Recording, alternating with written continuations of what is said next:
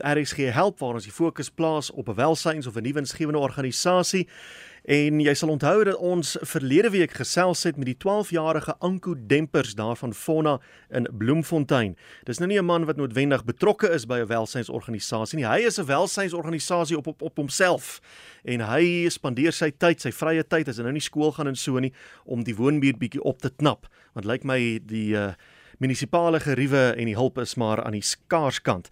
Nou iemand wat hom gaan help het so 'n paar dae gelede is Rietjie Labeskagni. Ons gesels nou met haar. Hallo Rietjie. Hallo Willem. Lekker om met jou te kan gesels. So jy het daardie onderhoud uh, geluister uit die aard van die saak en is jy toevallig deur Bloemfontein of het jy spesiaal so toe gery?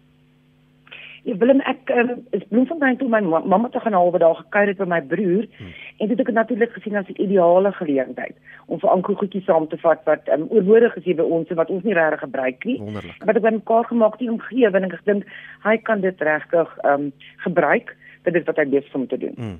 En het jy maklik opgespoor ontmoet en so aan? Dit was nogal 'n bietjie 'n soekdog dat die aand in Bloemfontein aangekom het om uiteindelik om uit te kom maar ek het hom uitgekom Goed. en ek wil net sê vir Karla en vir almal baie dankie vir die hulp ehm um, dat ek uiteindelik hom kon uitkom. Hmm. En hoe wat as watter tipe jong man het jy hom ervaar? Verskriklik nederig, baie baie vriendelik. Ehm um, 'n gesiggie wat straal van elke oomblik wat jy met hom praat. Ehm um, regtig 'n baie oulike seun en net so wonderlike dierbare moeder wat baie om ons vir haar seun. Hmm en ek het net gedink um jy weet hierdie kind het nodig om genoem te word dat dankbaar was hy vir dit wat hy gekry het want hy het niks nie hy leen maar by die bure en in die ja. omgewing leen maar goedjies om sy werkie gedoen te kry wat hy baie baie trots op is hoor Maar Rikie, jy het nou so 'n bietjie gehelp daar. Jy het vir hom uh, tuinimplemente gegee. Jy het hom ook 'n bietjie van 'n geldjie gegee en ek is seker hy gaan dit aanwend om die buurt nog vinniger en mooier op te knap. Ja, net so. Hy het my beloof hy gaan dit doen. Ek praat vanaand weer met hom. Hy het nou my beloof hy sal elke week met my praat en vir my sê hoe gaan hy aan. Maar jy weet wel as jy dink dis so 'n onbegonne taak wat daai kind mee besig is want hmm. my maak maar die gate toe met doodgewoon nog weet in padgrond en as dit kom reën dan spoel dit maar weer weg. So dit ja. oor en oor die ou selfe werkie wat hy doen maar so nederig en tog so bly dat ek kan die verskil maak in so 'n omgewing. Maritjie, baie dankie dat jy ook 'n verskil gaan maak het en dit is mense soos jy wat ook baie nodig is in hierdie proses. Anders kan die welsynsorganisasies, die mense wat die werk doen, nie voortgaan om hulle werk te doen nie. Ons sê vir jou baie baie dankie. Willem, dit is 'n groot plesier. Ek wil net sê dat mag net weer af te sluit dat ehm um, weet ehm um, mense is nie, mense is nooit regtig dankbaar vir dit wat jy het nie maar om te sien wat hierdie seun doen maak net nederig om te besef hoe groot verskil jy eintlik kan maak in die omgewing en dat mense nie altyd net sit en wag dat goed vir jou moet hmm. gebeur nie. Ja. Dit is goed as jy maar kan bydra jou kantjie onderland is in gas die oomblik en elke bietjie wat jy ook kan doen maak dit net beter vir die volgende mens en vir ons eie land. Definitief goeie woorde. So back moet jam kry sê hulle. Rietjie baie dankie. dit is 'n groot plesier Willem, baie dankie dat ek kon deel wees van dit en ek gaan dan maar vir um, um enkel op op weet anko uh, monitor en kyk wat gaan aan ja. en ek gaan oor 3 weke weer Bloemfontein toe en dan gaan ek weer vir 'n klomp goedjies vat onder andere skrywa en ek gevra of hy wil graag ordentlike skoene om mee te werk en 'n oorpak en ek het vir hom klaar 6 keels gekry wat hy nodig het, want ek dink is gevaarlik wat hy doen. Ja, ja. En dat hy die area kan afsper om hom waar hy werk, ja. want waar hy doen is waar, waar mense ry elke dag, jy weet, en mense sien nie altyd waar hy is ja. nie. Goed, Rietjie, voorspoed en baie dankie weer eens. Dankie Willem. Goed dan, tot sins. Totsiens. So gesels Rietjie Labeskagni en as jy 'n foto wil sien van Rietjie en Anko so langs mekaar, uh, daar is een op Twitter wat uh, ons regisseur Karla McKenzie daar vir ons opgesit het. Gaan maar net na by ZARSG en daar sal jy vir Rietjie en Anko sien. En dan uh, as jy na die potgooi wil gaan luister en sodoende dan ook sy kontakbesonderhede kry, dit is op rsg.co.za. Nou beweeg ons aan na Melanie Lee, sy is 'n beraader by Ingeba Projects. Melanie, hallo, lekker om met jou te kan gesels.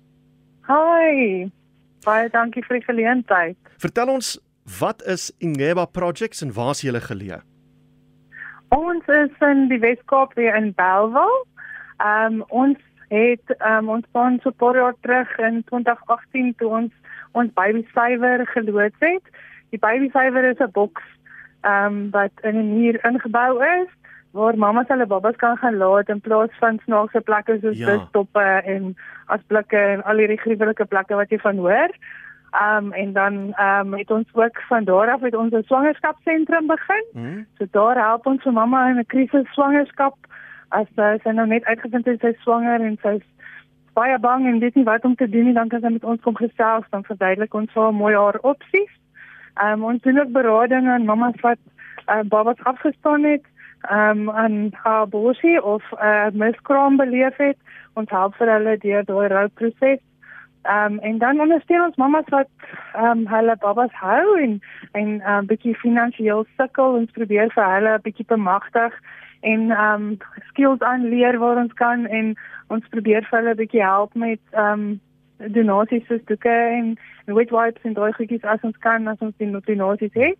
En dan ehm um, dan het ons ook gevoel dat die gemeenskap oor die algemeen het het baie hulp nodig vir almal COVID en ehm um, al daai emosionele dinge wat wat daarmee gepaard gegaan het en uh, ons het 'n wysheidsentrum geloods. Daarso doen ons berading vir almal. Ehm um, vir huweliksberading, vir tieners wat sukkel met gedrag, gedragsprobleme, ehm um, Ja, ehm um, ons ja, ons help maar enigiemand wat net nodig het om bietjie met iemand te gesels wat gekom met met rou, hmm. die rouproses om daardeur te werk en so aan.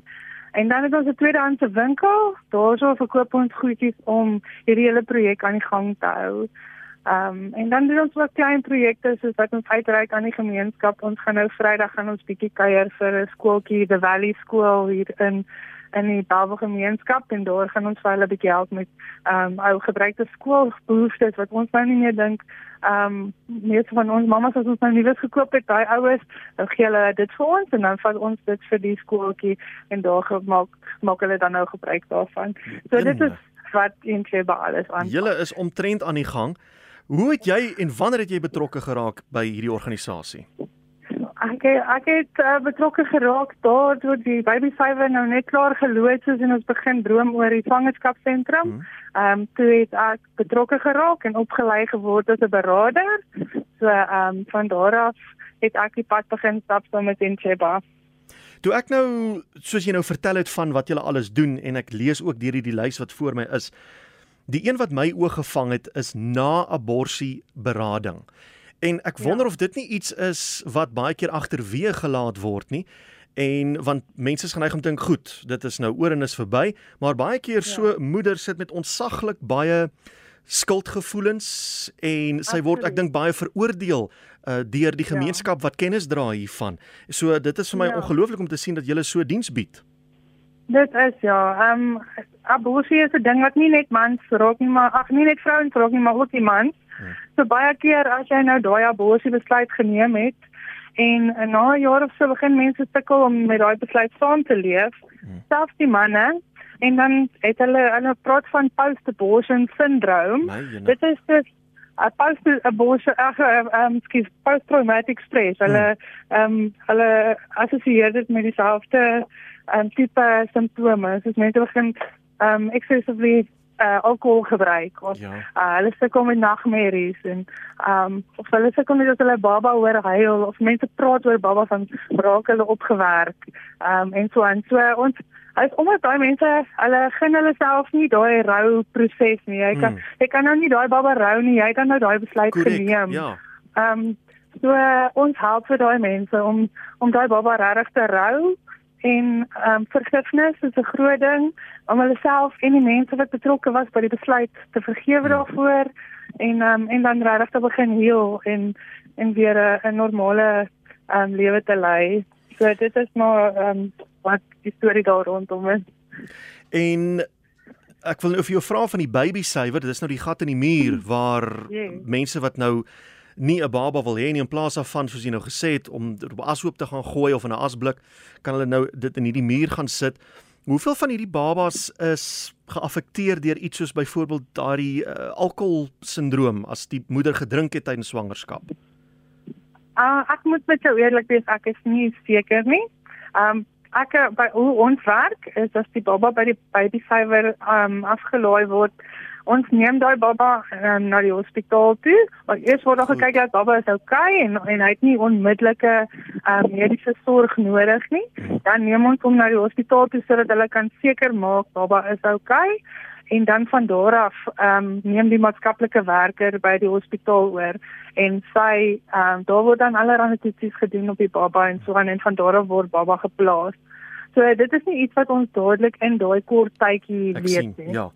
So ehm um, dis kom ek nie daai vraag vir jou mooi kan antwoord nie, maar ja, ek ek is seker die, die realiteit is dat baie van daai babas kom uit 'n plek waar daar dwelms en en alkohol misbruik word.